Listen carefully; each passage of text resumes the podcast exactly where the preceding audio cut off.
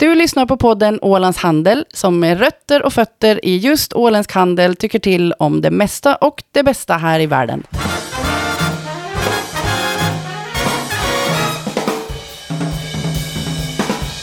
Hej och välkomna till avsnitt 98 av podden Ålands Handel. Idag ska vi som vanligt prata om pengar och investeringar. Det brukar vi ju göra. Med mig för att göra det har jag till vänster om mig Fredrik Rosenqvist som har nya glasögon. Hej Fredrik! Hej, hade du glömt bort vad jag heter eller? Ja, nästan. Ja. Det var så länge sedan. Nya, ni, ja, jo, jo. Ja. ja. Sa du hej? Jag sa hej. Jo. Okej, bra. Mm. Jag är lite chockad över att jag har köpt glasögon första gången i mitt 43-åriga liv, så det är lite sådär traumatiskt. Men, mm. Mm. Mm, de är också lite små, men vi får jobba på det här. Mm, ni får jobba på det. Jo. jobba på det här. Men alltså, vi ska prata om pengar som vanligt. Men idag ska vi prata lite mer om en investering som är ganska mycket mer handfast än många andra investeringar, nämligen bostaden.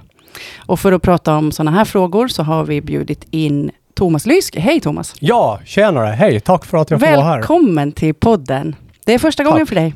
Det är första gången. Har Tack. du poddat någonsin förut? Eh, nja, egentligen inte. Så det här är premiären. Ja. Du sa nja, det var lite halv ja. Ja, det var, vi säger nej då. Okej. Det låter bra hittills tycker jag. Okej, tack. Mm. Bra jobbat so far.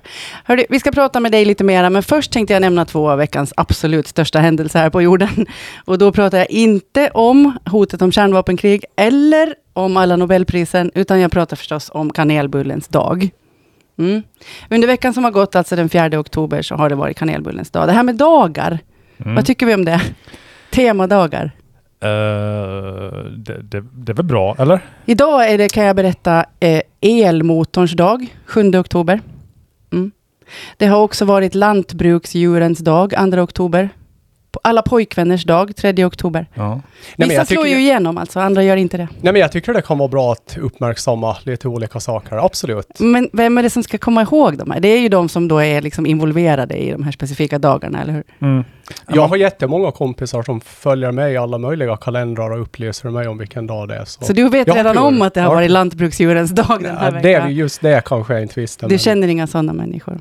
Kanelbullens dag är väl ändå de där som de flest eh, känner till? Den har eller? fått genomslag, tror jag, va? Ja. Mm. ja. Sen har det också varit en ganska intressant kombo, för ibland så, så korsar ju de här dagarna varandra, nämligen den 4 oktober så har det då också varit samåkningsdagen, samtidigt som det var internationella vodkadagen. Oj. Det Oj. känns ju lite knepigt ändå, men Ja, om en fast- kör, det är som en gammal klassisk Ja. åländsk Nygatan-snurva. En kör och resten dricker vodka. Något sånt. Mm. Det vore ju Mm. värre om man hade vodkadagen och ensamkörardagen samtidigt. Då hade det inte blivit så bra. Just det, men finns Ja. det en ensamkörardag? Apropå det, vilken dag skulle ni vilja så här, införa? Vad saknar du? Fastighetsmäklarens dag kanske? Det hade varit, varit fint. Mm. Toppen. Kaffets dag finns det. Det borde det finnas. Mm. Jag har Om inte tagit reda på finns det. Jag har bara kollat upp senaste veckan. Kaffets dag är varje dag. Mm. Okej, det, det har ju hänt flera stora saker den här veckan och någonting av det största som har hänt i åländska postlådor i alla fall, det är ju att, att tidningen Ålands Handel har trillat ner. Ja, den, håll, den håller väl på att trilla ner. Alla Den har inte fått den fortfarande än, på att trilla ner den- Vad säger du om det senaste numret av eh, vår tidning, Fredrik? Ehm, Vad är du stolt över? Ja, men jag, väl, jag, tycker det är vårt bästa nummer hittills, men det tycker man kanske alltid när man ger ut någonting nytt. Ja, Då varför blir- ska man annars ge ut Ja. Bara det här, det här var sämst. Det här var det sämsta vi har gjort. Vi lägger den i påsen. Ja, nej, men det var, det var, det var intressant. Eh, jag tyckte det var roligt och vi jämför ju deras priser i livsmedelsbutiker, som jag har blivit ett himla liv om. Mm, Och det sen- brukar bli det. Ja, och sen fick jag ynnesten att grotta ner mig i siffror, vilket jag gillar att kolla på så här marginalerna för, för de här handlarna. Om de tjänar jätte, jättemycket pengar och har jättehöga marginaler, hur det ser ut. Och det, det, var, det var spännande, för jag var på riktigt nyfiken. Sådär. Mm. Så. Du gillar siffror du. Mm, Andra gillar livsmedel. ja, Mm. sådär. Men för att göra lång historia kort så ser ju marginalerna ganska normala ut på Åland. Så det kommer väl knappast att komma så fler kedjor hit. Tror jag, om jag får gissa. Liksom. Sådär. Alltså marginalerna skulle då mena att, att då kommer det... Fann, fanns det höga marginaler skulle det kunna komma en till. Ja, om det är jättehöga marginaler på Åland så skulle det bli intressant för någon annan att etablera sig här, för då finns det pengar att tjäna. Nu är marginalerna så låga så jag tror inte att det är aktuellt. Liksom. Men, ja. Mhm. Det betyder också att det kanske inte nödvändigtvis är fantastiskt att åka någon annanstans och handla, utan det är rätt okej här, eller? Mm, ja, Mm. det ska jag påstå. Okej, är det något mer ur tidningen som du känner att du vill eh, lyfta upp? nu har vi inte Jörgen Pettersson med oss idag, det ska vi väl nämna. Jag vet ju vad han skulle vilja lyfta, så jag kan ju göra det on Robert- his Ro- behalf. Robert Hellenius. Robert Hellenius intervjun som Jörgen har fått Ja. göra. Han har till och med Ja. i text erkänt att han är starstruck. Ja, jo. Ja. Är det bra när journalister gör eh, reportage med folk som de är så här imponerade av? Det, det, det är det väl, eller? Jo, jag tror, jag tror i det här fallet tyckte jag det Ja. blev jättebra. Så den, Ja. det var ju en fin intervju. Mm. Mm. Men nu ska vi väl ägna oss åt vår Mm. gäst lite grann va? Ja. Först och främst måste vi nog fråga Thomas Lyski, det här namnet som du har förpliktigar ju lite grann. Hur kommer det sig att du inte är i fotbollssvängen? Oj, vilken fråga så här direkt inledningsvis. Mm. Nej, men eh, jag tycker att jag har väl haft eh, tillräckligt med familjemedlemmar och släktingar som har hållit på med det, så jag kan väl hålla på med något annat. Har du spelat fotboll någonsin? Det har jag, i Finström faktiskt mest, i division 3. Eh, Men det var många år sedan. Och sen lite i Sverige när jag pluggade i Örebro. Så då var det bra motion. Så du har liksom testat det åtminstone? Då. Väldigt mycket, alltså ja, jag är ju fotbollskille från barnsben, absolut. Mm. Eh, Men att eh, sen, ja, efter studietiden eller under studietiden så satsar man kanske lite mer på andra saker istället. Mm. Som vadå? Eh, Att försöka bli bättre på ekonomi och läsa siffror och, och, och ta reda på Okej. hur, Jaha. hur världen Jag- fungerar på andra Jag, Nu håll. slår jag på Anna gick alla. på nation och sådär. Det satsade vi. Nej, det gjorde inte jag heller. Nu slår du på alla Fredriks tangenter. Ja, en annan pilsner drack man säkert också. Det kunde Ja, hända. Det är en annan Mm. historia. Just det. Har du ett lag som du håller på? Eh, IFK Mariehamn såklart, Ja. lokalt. Och sen Manchester United. Okej. Inget svenskt. Ja, ja. Fre- Fredrik vill gärna prata lite grann om Djurgården. Det kan, ja, det kan vi göra. Ja, men alltså brorsan har ju spelat i Djurgården, så ska jag säga någonting så får man väl hålla lite på Åh, så ni är helt eniga här. Mm. Bra. Vad fint. Daja spelar ju där också länge och honom supportar man gärna så att det där, Mm. det får, jag säger Djurgården. Ja, bra. Det är sant. Yes. Okej, men nu ska vi prata lite grann om fastigheter, eller kanske om bostäder. För att få fackterminologin på plats här nu, Thomas, kan du berätta vad är det egentligen för skillnad i din värld på en fastighet och en bostad? Precis, det där är ju väldigt intressant. Alltså en fastighet då man går till, till definitionsböckerna och lagen så att säga, så är det ju ett avgränsat mark eller vattenområde. Så det är alltså själva landområdet eller marken vi står på som är avgränsat. Och, och många väljer ju ändå att prata om fastigheter i dagligt språk som byggnader, men det har alltså inget stöd i, i lagstiftningen, i jordabalken. Så att det där, det är rätt intressant det där, att det skiljer lite i folk i folkmun och, och eh, som Mm. lagen ser ut. Precis. Hur länge har du varit eh, fastighetsmäklare? Är det, fast, är det rätt titel? Fa- fastighetsmäklare eller AFM, auktoriserad fastighetsmäklare då. AFM. Ja. Hur länge har du arbetat som AFM? Det här är mitt trettonde år, Okej. 2022. Ja, kan du Ja. säga någonting om hur, hur har den här branschen ändrat under de år du har varit aktiv? Alltså det är väldigt eh, mycket. Alltså ett bra exempel är ju för tio år sedan när man hade en visning så hade man kanske 20 pappersprospekt med sig. Medan idag så kanske man har ett med sig i bakfickan. Alla kollar på nätet och har kanske fått informationen på förhand. Så att den här digitaliseringen är väl det som i alla andra branscher också som är liksom mest tydlig då, om vi säger. Bilder, drönare, videos och allt möjligt annat smått och gott och stort. Just det, som man kan addera just för att folk tittar digitalt helt enkelt. Man kan väl också, tycker jag, om jag minns hur en fastighetsannons såg ut för kanske 10-15 år sedan, Mm. så var det så här, vill du köpa en tvåa, den är i stan. Precis, det fanns inte så mycket bilder heller kanske, eller mycket svartvitt och sådär. Nej. Där har ni varit med och dragit eh, upp eh, nivån lite grann va? Det tycker jag absolut. Den nivån är höjd. Och jag tror det har gynnat hela branschen och också konsumenterna framför allt. För att det är det här informationssamhället som vi lever i. När kunden kommer in idag på visning så har han kanske 85 procent av all information redan före han kliver in Mm. innanför dörren. Så att eh, så är det. Och Det handlar mer om att komma och skapa sig en bild av känslan i huset. Så är det precis. Man vill Mm. kliva in och känna, känner jag det här wow, liksom att är det här jag kan tänka mig att bo och se mina barn växa upp? Mm. Och käka kräftor och ha det kul. Ja, precis. Ja. Men du, om vi tittar då, eh, du har jobbat på Åland, har du jobbat någon annanstans? Inte som mäklare. Nej.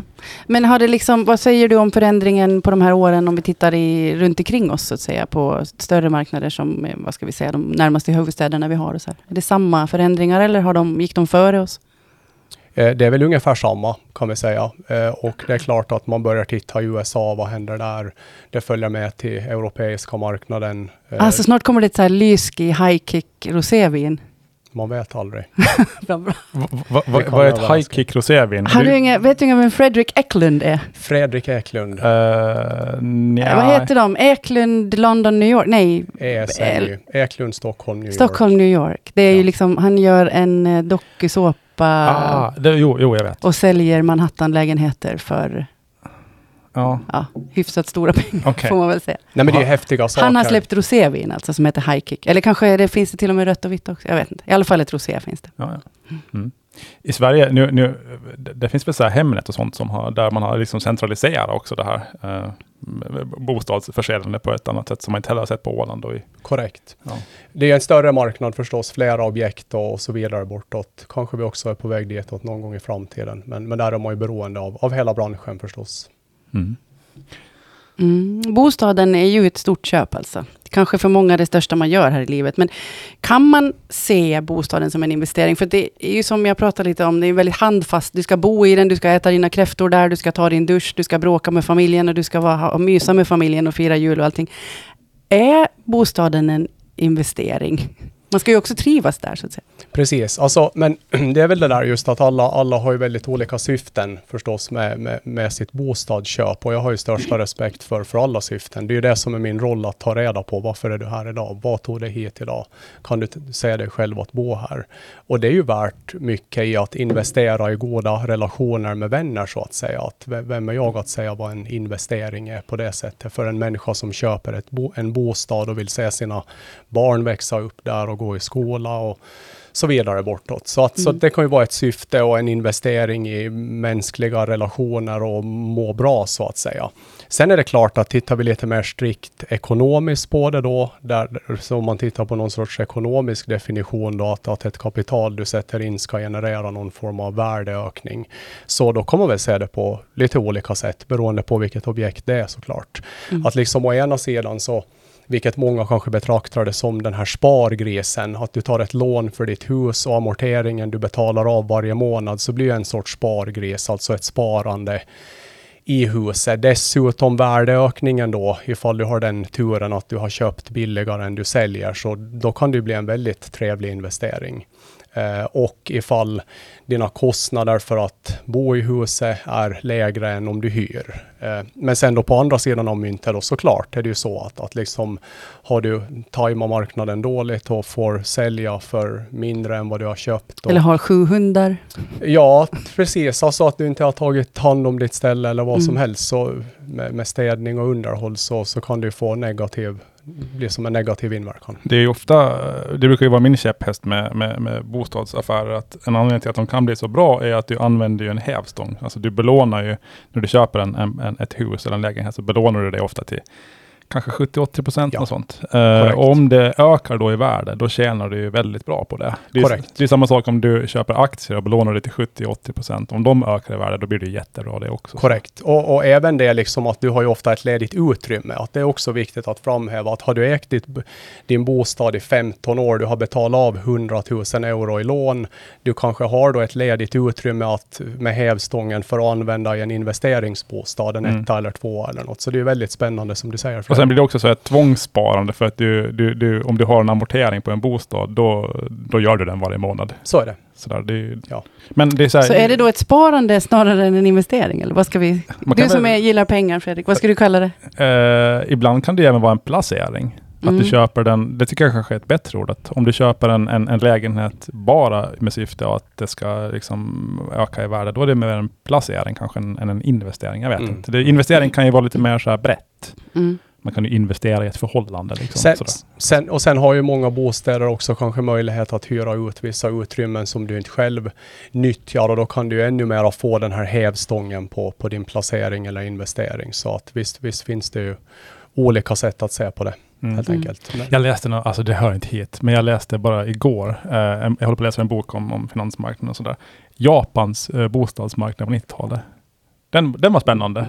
Okej, Ja, men det, var, Berätta. ja, men det var någonting att den japanska fastighetsstocken stod för, jag kommer inte ihåg hur många procent av världens totala liksom, fastighetsvärde var, men det kanske runt 40 procent eller något sånt där. Okej. Den var liksom flera gånger mer värd än hela USAs bostadsstock. Det, det var liksom en enorm, enorm bubbla. Det var otroligt fascinerande. Uh, kom bara att tänka på det nu. Sprack den? Spännande. Den sprack ju.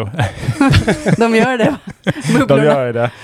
Eh, Japanska placeringar så har ju inte gått så bra sedan, sedan 90-talet. Där, Okej, så att- jag men det var, det var någon riktig Men om vi då tänker att man ska ha en bostad och vill att det ska kännas som en placering eller investering. Är det något särskilt man ska tänka på när man väljer vad man köper då? Vad skulle du säga Thomas? Ja, men då, då ska jag absolut gå på det här med att, alltså läge, det har vi ju hört på många håll förut. Alltså att man, Location, location. precis, att bra lägen tenderar ju alltid att eh, gå upp i värde, helt Mm. enkelt. Men sen som jag också skulle vilja framhålla ännu mera i dagsläget, att verkligen ta hand om ditt hus och hem och städa ofta och underhålla och vara gärna lite mer nitisk än, än, än vanligt kanske och, och hålla det väldigt liksom representativt.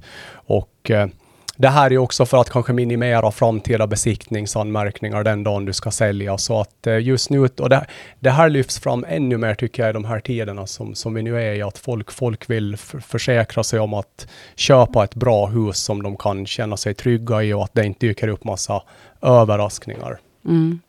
Vad är en bra bostadsaffär? Alltså vem är det som ska vara mest nöjd? Det finns en köpare och en säljare och så finns det du. Det är viktigt att alla, alla parter är nöjda. Och eh, jag skulle säga så här att en bra bostadsaffär kommer jag nog fram till att det, ti- alltså tiden är en kritisk faktor. Tid är pengar och det gäller nog också i, i min bransch. Det ska gå snabbt så. alltså. Eh, precis, men, men förstås inte för snabbt. Man behöver vara noggrann. Men att om vi tänker oss en situation där vi lägger ut ett hus på marknaden och vi har en köpare som känner wow första gången de kliver in där. Det här är mitt hus, det här är mitt hem, här vill jag bo. Och säljaren får också göra en affär relativt fort, så i slutändan tror jag det gynnar alla parter mest. Då kommer alla vara gladast. Ja, nog är det så. Det är bättre det än att på andra sidan myntet tänka att vi står om 6, 9 eller 12 månader och funderar varför är huset osålt fortfarande. Det får alla mag och huvudvärk av. Får jag fråga en sak? Mm. Eh, det här med läge. Vad, vad är ett bra läge? Om vi tar i åländska förhållanden. Vad, är liksom, vad, vad skiljer ett bra läge från ett dåligt? Får man gissa? Gissar du Anna? Mariehamn och Jomala? Jag tänker du, det är så, så centralt som möjligt och nära, nära viktig service. Sådär. Är det det som... Mm. Jag, ty- jag tycker det. Och sen på Åland med alla de här fina strandområdena som vi har. Så att det kan ju också vara längre bort från Mariehamn Mm. och Jordbro. Ut, utsikt och vatten, Ja, precis. stad och när. Det är de, kommun. de Mm. elementen av utsikten, det du ser när du kliver in på, på Är fastigheten. det någonting som inte vi tänker på som är bra sådär, läge? Som, eller finns det någon så här oväntad grej som är så här speciell för Åland? Typ? Inte kanske som ploppar upp nu Nej. så här, ska Nej. jag säga.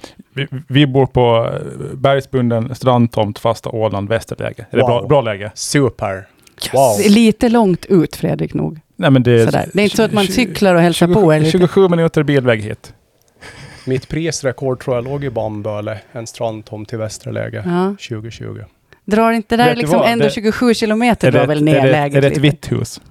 Det var det. Jag ser det från min, eh, min strand. Häftigt. Det är den näst, ett av de närmsta husen där. Så att Då kan du tänka jag är nästan miljonär kan man Snart, snart kommer han att börja sälja ditt hus här. Wow, det är ett bra läge Fredrik. säga. Ja, men det är bra. bra. Det är bra. Ja, ja.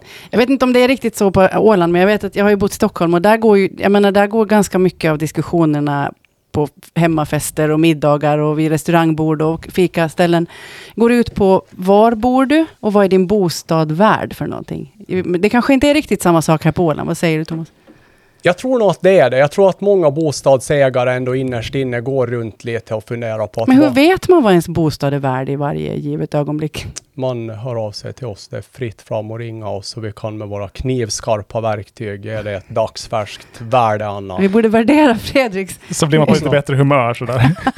Kan det kännas lite härligt? Nej, men sen ser man väl vad, vad saker och ting köps och säljs för också. Sådär. Så är det, absolut. Mm. Folk följer ju väldigt mycket med i lokaltidningarna som bland annat. Men du tror alltså att på Åland också pratar man mycket om sin bostad? Så? Jo men då är det, alltså, alltså det, okej, pratar och pratar, men man går i alla fall runt och reflekterar och funderar över det. Vi får ju väldigt mycket frågor och är hemma hos folk Mm. i deras bostäder och folk beställer värderingar av oss varje vecka. Mm. Jag tänker på det här också att när man har köpt en bostad så vill man förstås hela tiden försäkra sig om att man har gjort ett bra köp. Så man kanske också går och så här försvarar sig lite med att jo men det här var nog bra.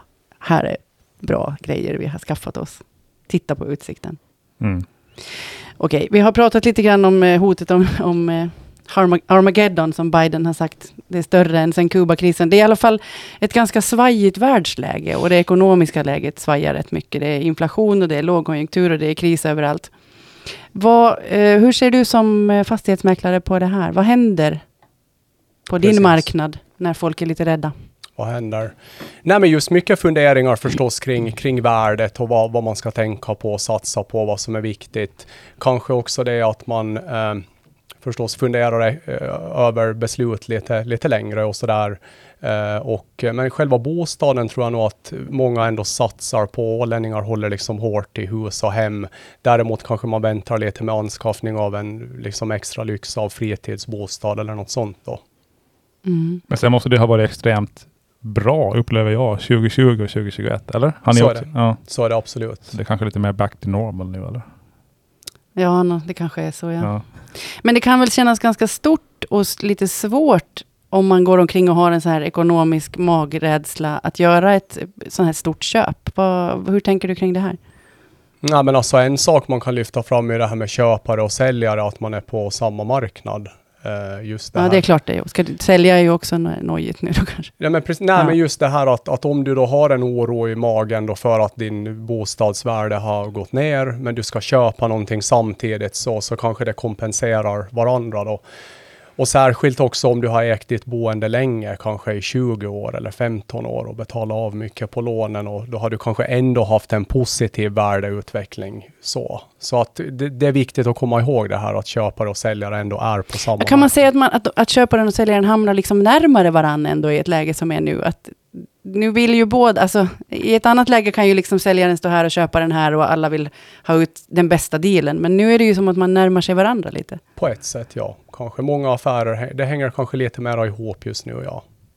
Mm. Finns det några fördelar med det här att, att eh, säljare och köpare hamnar lite närmare varandra? Gör, bra? de det? Gör de det, eller? Jag tänker att man gör det, för att bägge vill liksom ha det här fixat. Annars kan man ju gå och tänka så här, nej jag säljer inga till det där priset. Mm. Jag köper inte till det där priset. Men nu är det man ju, jag vet inte. Jag tänker på något vis att man ska bli mer överens. Jag skulle tro att, liksom, Det är jag som är diplomat. ja, det kanske är diplomat. Jag är mesig.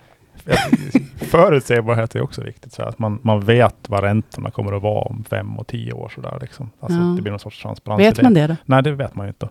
Ännu mindre nu än förr, kanske. Jag vet inte. Mm. Men, ja. Ingen vet. Nej. Ingen vet. Vet Ingen vet med säkerhet. Så är det. Nej. Det Det man det som- vet är väl att man ska ha någonstans att bo ändå. Jo. Absolut. Mm. Mm. Kan man liksom, om man tänker att man har pengar, det finns ju fortfarande folk som inte behöver sitta och gnaga på ramarna. Eh, Är det rea nu då, eller hur ska man se det här? Alltså jag kanske, Om man köper som investering? precis, kanske jag ändå inte skulle prata om, om rea, men absolut, det finns såklart objekt där man kanske då av olika anledningar måste, måste komma till snabbt avslut och att det gynnar både säljare och köpare att komma i mål. Så då kan det ju vara frågan om en viss rabatt då, kanske, men, men liksom tokrea skulle jag väl ändå inte vilja påstå. Mm. Så. Vad finns det för, eh, ja vi pratar lite grann om läget här och vad som alltid säljer, men, men eh, kan man säga något annat? Alltså hur ska en bostad se ut till exempel på insidan? Så för att, vad, finns, vad finns det som alltid säljer oberoende? Mm. Ja, men där skulle väl jag säga läge igen då, att det är Ja. viktigt förstås och att det är omskött och att det är få eller inga besiktningsanmärkningar. Men tillbaks lite till det här med utsikten, alltså det är det här savannen nedärvt till vårt DNA, att vad är det första du ser och vad, vad blir vi tilltalade av? Jo, vi vill ha lite det här med hav eller sjöutsikt och vi vill ha lite inslag av träd och och sen också utöver det så kanske man vill ha lite gräs. Eller någon får lite savannkänsla. Så att det, det, det till... Lite fri blick, Ja, blick. Yes. så, Så, mot gå, horisonten. gå, gå ut på era balkonger ikväll och kolla vad ni ser före mörkrets infall. Hur känner du nu Fredrik? vad ser du före mörkrets infall? Ja, nu, jag undrar lite om jag har gjort fel att såga, ha sågat ner en massa träd för att ha gjort ved av det nu. Men jag sa ändå inslag av träd. så Okej, säger- jo, det finns fortfarande inslag av martallar och sånt där. Ja. ja. Mm. det, det låter nog bra Fredrik. Det låter kanon. Ha, Energieffektivitet, har det blivit viktigare nu de senaste månaderna? Eh, Väl, väldigt mycket snackas det om det. Absolut på, på visningar och i telefon och på kontoret. Så är det. Ja. Så om man, om man har en fastighet som man säljer som inte drar någonting i termer av energi, då, då, Då är man glad nu, eller? Då är man glad och då, det kan vara ett bra säljargument, absolut. Men man, vi märker ju att många fastighetsägare inför försäljning också liksom testar och tar in offerter också på olika andra värme, alltså uppvärmningslösningar. Ja, just det. Jag tänkte jag skulle fråga dig också, vad, vad för typ av renovering höjer värdet? Och vad, vad ska man tänka att man kanske mer gör Mm. för sin egen skull? Mm. Ja, men då ska jag säga utskick, alltså höjer värde, ytskiktsrenoveringar absolut i standardformat. Vi pratar golv, vi pratar målfärg, kö, kök, kanske köksluckor, sånt du ser när du kliver in i bostaden. Men, men det som kanske är mera för dig själv, det är väl utöver standard, dyra kommoder och badrumsinredningar och eh, tjocka golv som har kostat skjortan som kanske inte en... en Åh, nu köp- tänker jag på mitt gamla golv som jag hade förut. Nej men det kanske någon betalar för Anna. Men, men alltså, men poängen kan vara ändå att, alltså så här, jag skulle Mm. säga så här, med kök till exempel, eh, om vi ser tidigare generationer, de kanske satsar på ett jätterobust, dyrt, påkostat kök som de hade i 40 år. Medan nu kanske man vill byta kök mera var tionde år. Så där kanske det liksom är en annan trend att, att man om man ska värdehöja kanske man inte behöver gå, i, gå all in på det dyraste utan mer satsa lite mer på ytan. Värde höjer man alltid när man renoverar. Jag, jag har någon sorts fördom om att när folk köper, kanske oftast ett hus, och de vill, vill bestämma hur det ser ut själv. Så när de har köpt det så renoverar de alltid ändå, mm, det första de gör. Men gör du det bra och smart och vet vad du gör, då tror jag absolut att det kan vara värdehöjande. Ja, och det, det ser vi så. Men, men gör du mindre bra val och så vidare, då kanske det inte tilltalar. Mm. Mm. Är det så att folk vill renovera när de flyttar in? Kanske, kanske mindre nu ändå än, än tid. Nu känns känslan ändå att det ska vara lite mer färdigt. Alltså för, för det blir också en trygghetskänsla att inte behöva gå till banken och ta det här extra renoveringslånet och så vidare bortåt. När man inte Dela med byggfirmor? Och. Precis, att det är mera färdigt. Att ibland kan känslan vara att det är lättare att sälja ett färdigt 300 000 euros hus än ett 200 000 euros hus som, som kräver 100 000 i renoveringar. För de där 100 000 i renoveringar kanske plötsligt blir 150 och då, då finns det en osäkerhet i det. Oh, jag kom på en fråga. Är det, du, eh, är det bättre liksom, eh, med mer safe att köpa ett hus eller en, en, en eh, aktier i ett eh, bostadsaktiebolag? Alltså ett lägenhet eller hus? Vilket är bättre? J- Jätte, alltså, det, det tråkiga svaret här, det beror på Fredrik. Nej! Han svarar som du tycker jag Ja, jag nu vet. Fredrik. Ja men det är så. Vad beror det på då? Vad beror det Nej, på men då? vi är tillbaks till det här med, med läget och det är klart att en aktielägenhet i ett bra läge som är ganska liten med få kvadrater kan tilltala liksom en bred publik medan ett eh, större bostadshus med, med lite sämre förutsättningar i uppvärmningssystem långt ifrån periferi eller långt ifrån Mm. centrum så att säga då så kan vara lite mer utmanande. Men det kan vara bra. Det kan vara, båda kan vara bra affärer, båda kan också vara dåliga Så affärer. är det. ja. Det är det tråkiga svaret. ja, men det, Damn. Ja. Vad Ja. tror... Eh, jag, vänta, nu tappar jag bort min fråga. Men jag tänkte vi skulle prata lite grann om drömboendet. Bor ni i era drömhus? Ja, men alltså, om vi pratar återigen mjuka värden, alltså det här att, att, att må bra och få komma hem till ett hus. Jag menar, jag kommer hem varje dag till mina fyra döttrar som liksom glatt säger hej pappa och ger mig en kram och då blir man ju glad och då mår man bra och då känns ju det som ett drömboende på det sättet. Mm. Så att liksom absolut, Kungsö, Jomala, vi trivs Bra superbra. grejer. Jättebra. Ehm, jag bor kanske inte i mitt drömhus, men jag bor kanske på min drömplats som har ett väldigt stort affektionsvärde för mig. För Mm. jag bor där min familj hade, eller jag bor i min familjs eh, sommarstuga som jag tillbringar mina somrar på, eh, på den stranden och sådär. Så den platsen har ett väldigt stort affektionsvärde för mig. Mm. Så ett mycket större värde för mig än för någon annan. Så i den meningen, men sen huset i sig är ju liksom, om man skulle flytta på det så skulle det inte vara någonting Ja, värt så liksom.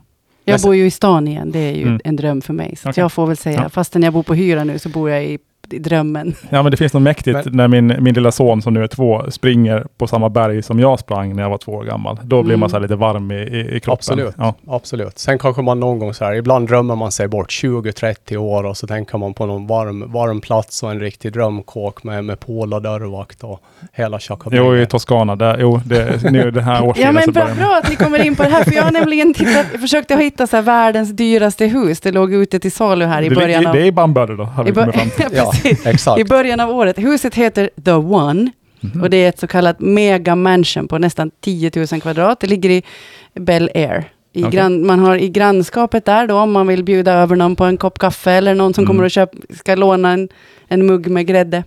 Där kan till exempel Justin Bieber dyka upp, eller Okej. Miley Cyrus, Taylor Swift. Det finns garageplats för 30 bilar i SUV-storlek, varav två av de här platserna då snurrar så här som LP-skivor, så att du kan Okej. ha din bil där och så kan du ta in dina kompisar i garaget och bara kolla här från alla håll. Här Mm. snurrar min bil omkring. Vad, vad, det här är ju lite kanske att ta i ändå. Men vad, vad är lyx på Åland? Ibland kan jag få känslan så här att nytt kan uttryckas som lyx på Åland. Men, men det finns Mm. väl också en lyxnivå, tänker jag. Precis. Nej, men alltså jag tänker ju sådär, just som du säger Anna, det, ny, nytt och så, men egen strandtomt är ju fortfarande få förunnat i många fall och, och liksom en eh, Pol har ju också kommit lite mera, tänker jag, under pandemitiden. Eh, sådär att, att Ja, folk tack vare algerna kanske.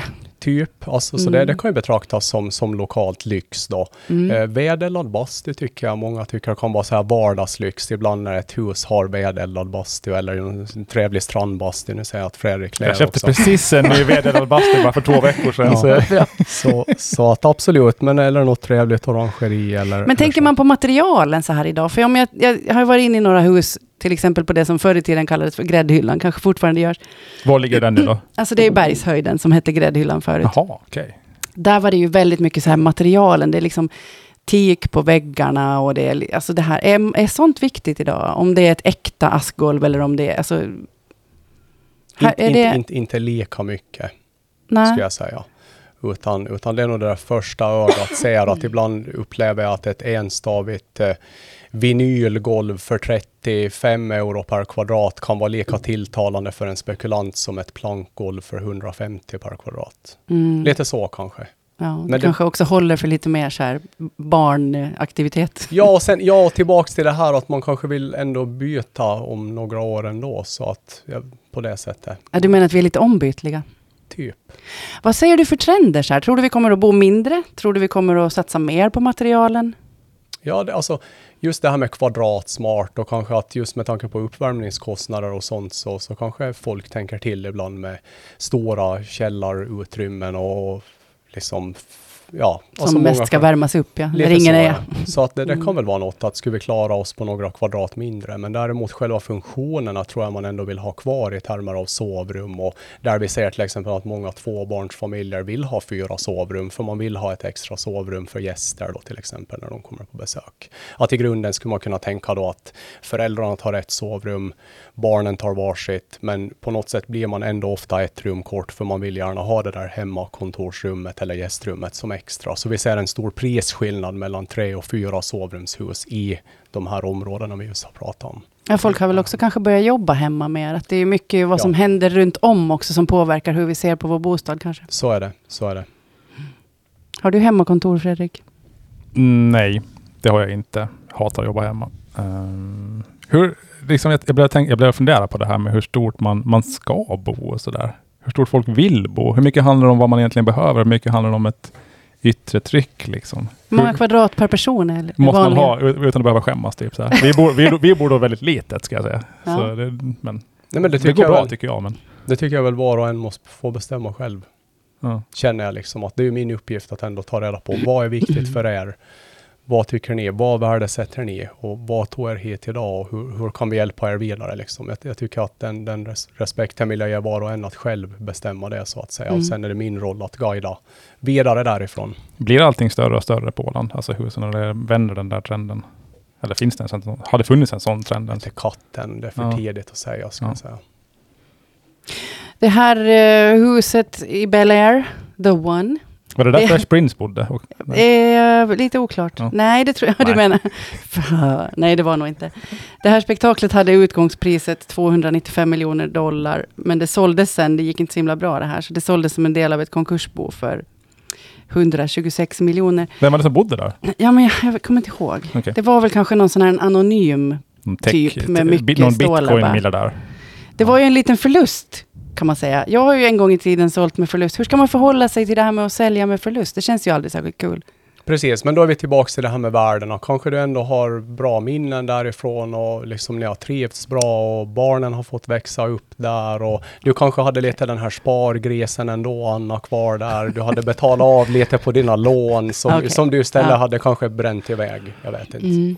Så det kan ju vara ett sätt, men också liksom att se det som en helhet med det här du köper och säljer och connecta de två till en, till en helhet. Och kanske, kanske du gör tio fastighetsaffärer i ditt liv, eller fem i alla fall, och då kanske ändå totalen kan vara, vara bra. Mm. Okej, jag får bara suga in med den där förlusten då. Jag tror att den är borta nu faktiskt. Jag sålde med vinst sen. Så att, Du ser, I'm okej, safe, du I'm ser, safe. du ser, ja, om vi ska hoppa tillbaka till vår, vår kära lilla tidning som vi tycker så väldigt mycket om. Så har vi ju i den, eh, du och jag faktiskt Thomas, pratat om eh, några sätt att finansiera bostadsköp nu när det är lite så här ekonomiskt svajigt. Kan du berätta om de här modellerna som du har? Precis, alltså som sagt, eh, egna och egna och så vidare. Det här existerar ju förstås redan på många håll ute i världen. Men inte så vanligt här kanske? Nej, så är det väl. Men, men liksom ägarskapsfinansiering tog vi upp som en sak som du och jag Ja, vad betyder om. det?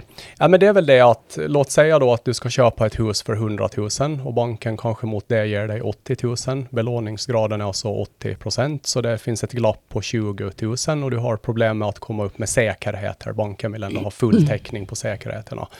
Vi kanske då har en säljare som har betalat av största delen av sitt lån och eh, på det sättet så kan säljaren då komma in och ta den här sista 20 000 euron då som en extra säkerhet. Eller det blir som ett skuldebrev mellan, mellan köparen Alltså då blir jag skyldig banken en del och så blir jag skyldig säljaren en så, del. så är det och kanske Mm. för att till och med sälja in det hos säljaren så kanske du kryddar upp ditt bud med 5000 och ger honom ett premium på 105 och, och säger att tar du 25, jag får 80 från banken.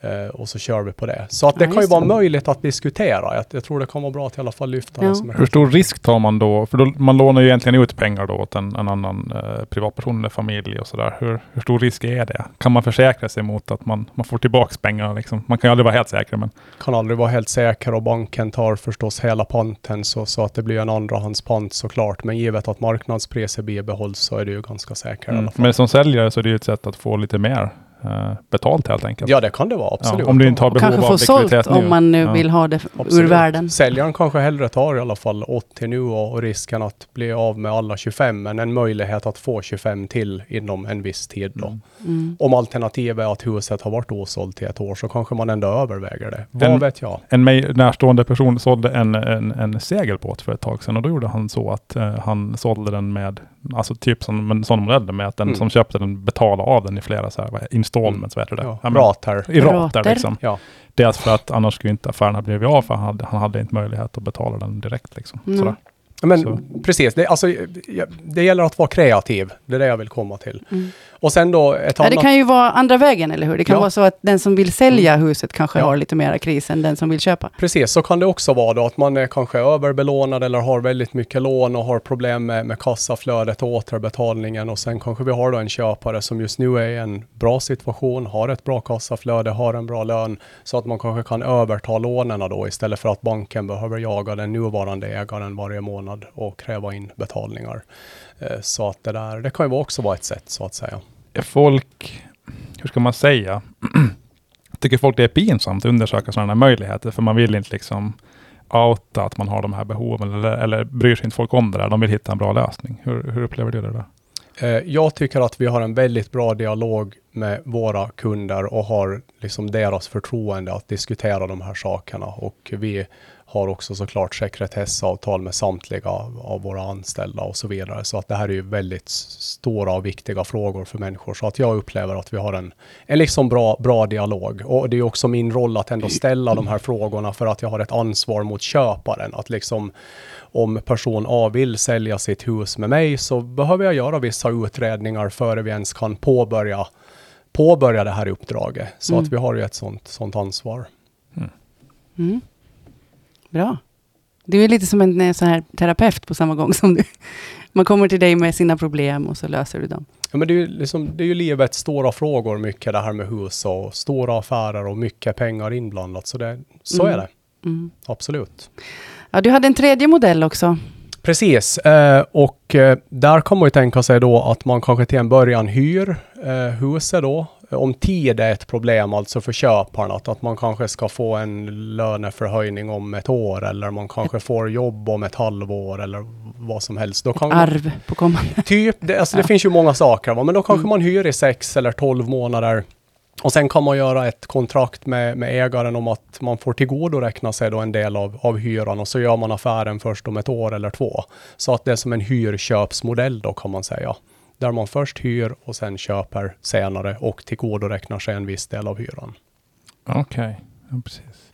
Jag, Ja, du, du ser väldigt konfunderad nej, ut. för jag, jag håller på att tänka, det var hjärngymnastik. Ja. Eh, det var en i ett hus i vår by, så jag tror det var så att det såldes, men den, de som sålde den skulle bo kvar ett år eller något sånt. Mm. Sådana modeller går ju också att göra. Absolut. Absolut. Alltså det, jag säger bara, det gäller att vara kreativ. Det, det är det det handlar om. Tror. Ja. Och, och våga lyfta upp liksom frågorna, för det finns ofta mera möjligheter än bara det, det traditionella. Ja, för man säga. tänker lite så här innanför boxen att man köper ett hus och då ska det vara, men om en månad får man flytta in och man ska låna banken. Och, Nej, men alltså jag ja, förs- ja. Precis, nej, jag försöker ändå ställa frågor som hur kan vi göra det här?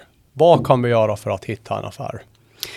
Sen är det väl också så att det här som händer nu får man väl ändå hoppas att ska vara någon form av tillfällig svacka i ekonomi och, och, och medvetande och energi. Det kanske reder upp sig. Ja, Och alltså sen, bo och ska man väl göra ganska länge. Så är det, absolut. Det är på längre sikt. det. sen överdriver vi. Alltså det är så här. När det är bra så då tar sväng, folk svängarna ut för högt och sen när det upplevs vara dåligt så då vill jag Men jag- typ gå och dränka sig ungefär sådär. Men jag tänker mycket så här att man ska såklart se på verkligheten som den är, men inte överdriva den. Nej.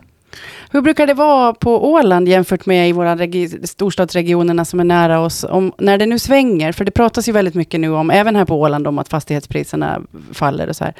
Hur reagerar Åland jämfört med eh, när storstäderna och så här? Det är kanske lite fördröjt och tar lite, lite längre tid. Så att om vi tar Stockholm som exempel då och vi ser att priserna eh, sjunker väldigt kraftigt där så kanske de också gör det på sina håll här men, men kurvan neråt är mera måttlig. Och detsamma gäller ju också i en uppåtgående marknad att man, man, man har sett Stockholmspriser som har stuckit iväg i, i höjden. Och här kanske vi då också i samma veva har en uppåtgående trend men den är mera måttlig ska jag säga. Det är väl samma sak egentligen hela Finland om man jämför med Sverige. Att i Sverige så är svängningarna väldigt kraftigare än i Finland. Finska priserna Ja. har inte heller liksom stuckit iväg Nej. riktigt sådär mycket Nej. som Men i handlar Sverige. det om, om det här eh, amorterings... Att Sverige har varit på något sätt på marknaden Den- där man inte ens har amorterat på sina bostäder? Den finns absolut med som en bidragande faktor att man under en lång tid i Sverige har haft låga räntor och inget amorteringskrav. Och nu plötsligt då när amorteringskravet kommer och räntorna far upp så då blir det ju en kanske då minskad Och sen en större belåningsgrad säkert också i Yes. Sverige än i Finland. Jag har aldrig riktigt fattat skillnaden. Alltså om jag, om jag inte amorterar på mitt lån, vad är då skillnaden mot att jag bor på hyra? Du spekulerar ju att bostaden eh, Går upp i ökar värde. i värde. Ja, det kan man ju Mm, kanske ha kan ju- varit, i alla fall kunna ha varit säkert det, är i lätt, det är lättare att be banken om amorteringsuppskov en månad än att ringa till hyresvärden och säga hördu den här månaden Det går inte så bra. ta." nu. Nej. Okej, jag fattar. Så nu fick du ett bra argument Anna här av mig för att, Ska jag köpa något tycker du? ja, Vad bra. Har du något? yes. Jag har alltid något. Du, det är bra. Vad tänker du om du skulle titta, vad ska vi säga, fem år framåt, tio år framåt? Jag tror att Åland klarar sig bra. Vi har bra köpkraft, känns det som. Mycket positiva vibbar och så vidare. Ål, ålänningar håller hårt i hus och hem och, och sådär. Så att nej, jag, jag är positiv. Mm. Svårt att säga, alltså fem år är en ganska lång tid framåt, men sett över fem år så tror jag fortfarande att vi har en positiv prisutveckling, särskilt i fina lägen med fina attribut Mm. alla gånger. Sen är det klart att, att viss nyproduktion kommer att ta ner priset för äldre bostäder som är dåligt skötta och har mycket besiktningsanmärkningar. Så är det. Mm. Men det är liksom från fall till fall.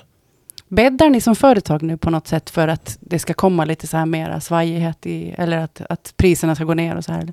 Nej men alltså man får ju försöka ha en öppen dialog med, med, med både säljare och köpare. Mm. Absolut, hela tiden. Det Mm. gäller att ställa, ställa frågor och förbereda fallen noggrant såklart. Alltså förbereda alla inkommande ärenden Mm. ordentligt och vara respektfull i värderingar förstås. Eh, och eh, vara saklig och eh, se hur marknaden utvecklar sig. Det är lite känsligt det där. Du säger ju att ålänningar är väldigt kära till sitt hus och hem. Att om du då kommer att värdera det till någonting som jag tycker är lite för lite, så kanske det blir blir nervös. Det där. Man, blir, man älskar ju sitt hem och så säger någon att det inte är värt så mycket.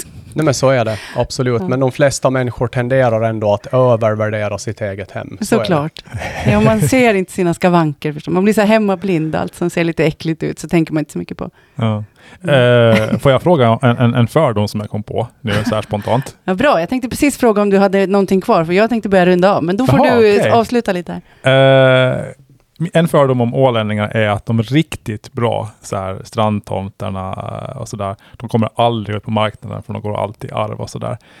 Är det så eller kommer de här ut hela tiden?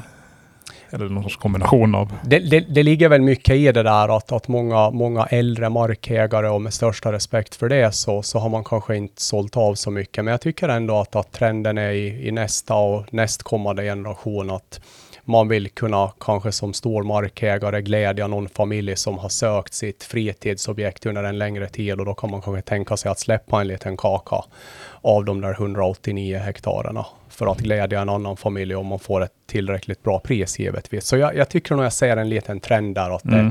Det måste- generationsfråga också sådär. Att man, jag skulle säga det. mm, ja. ja.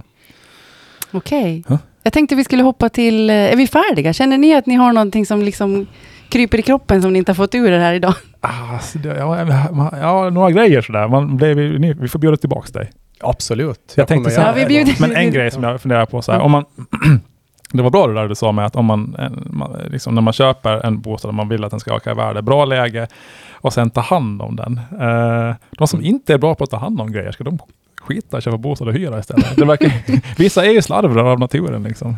Ja, det, vet jag. det är svårt att svara på det där alltså. Det är svårt för sådana som liksom inte har den läggningen att, att ta hand vissa, vissa är pedanter, vissa är inte pedanter. De som är pedanter verkar ju ha en, en bra möjlighet liksom att, att Alltså alla, göra bra affärer. alla behöver ju själv bestämma själv hur de tar hand om, om, om sitt hus och hemmen. Men jag säger bara att vad vi ser från köparsida Mm. så lönar det sig nog att, att ta hand om det. Dessutom kan jag väl tänka så att ta hjälp. Alltså av någon. Mm. Det finns ju väldigt mycket kunniga människor på Åland, hantverkare, städbolag och så vidare.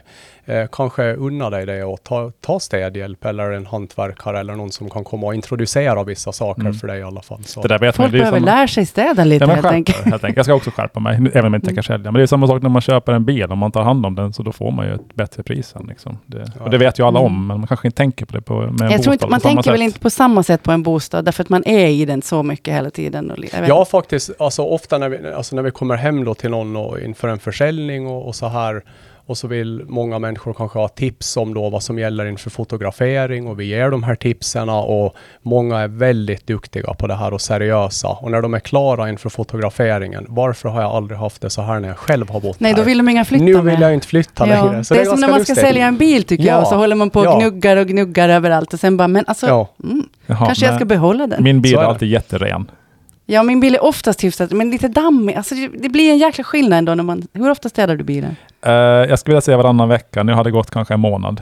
Uh, Alltså med dammsugare och, och det- fönsterputs och allt. ja, jo, ja, ja, åtminstone dammsugare. Men det tar ju inte så länge. Jag Så har, en väldigt- jag har en väldigt, riktigt, jag har en väldigt liten bil.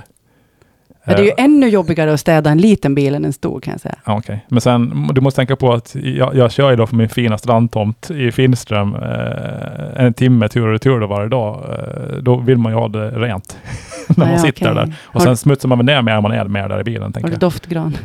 Nej, det har jag inte. Men jag funderar på någon sån här, du vet, man sätter på fläkten, sån där parfym. Men nej, Lite är, parfym. min, min bil har fortfarande naturlig nybilsdoft. Ja, städar du bilen ofta, Thomas?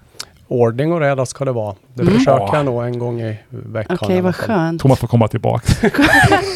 Bra, tack. Vad kul. Ja, vi har mera frågor till dig, men nu ska vi faktiskt hoppa till hyllningarna. Och eftersom du är gäst, Thomas, så får du eh, börja med veckans hyllning. Ja, absolut. Alltså jag vill hylla barnavdelningen och BB-avdelningens personal på HS. Alltså Ja, person- du har många barn.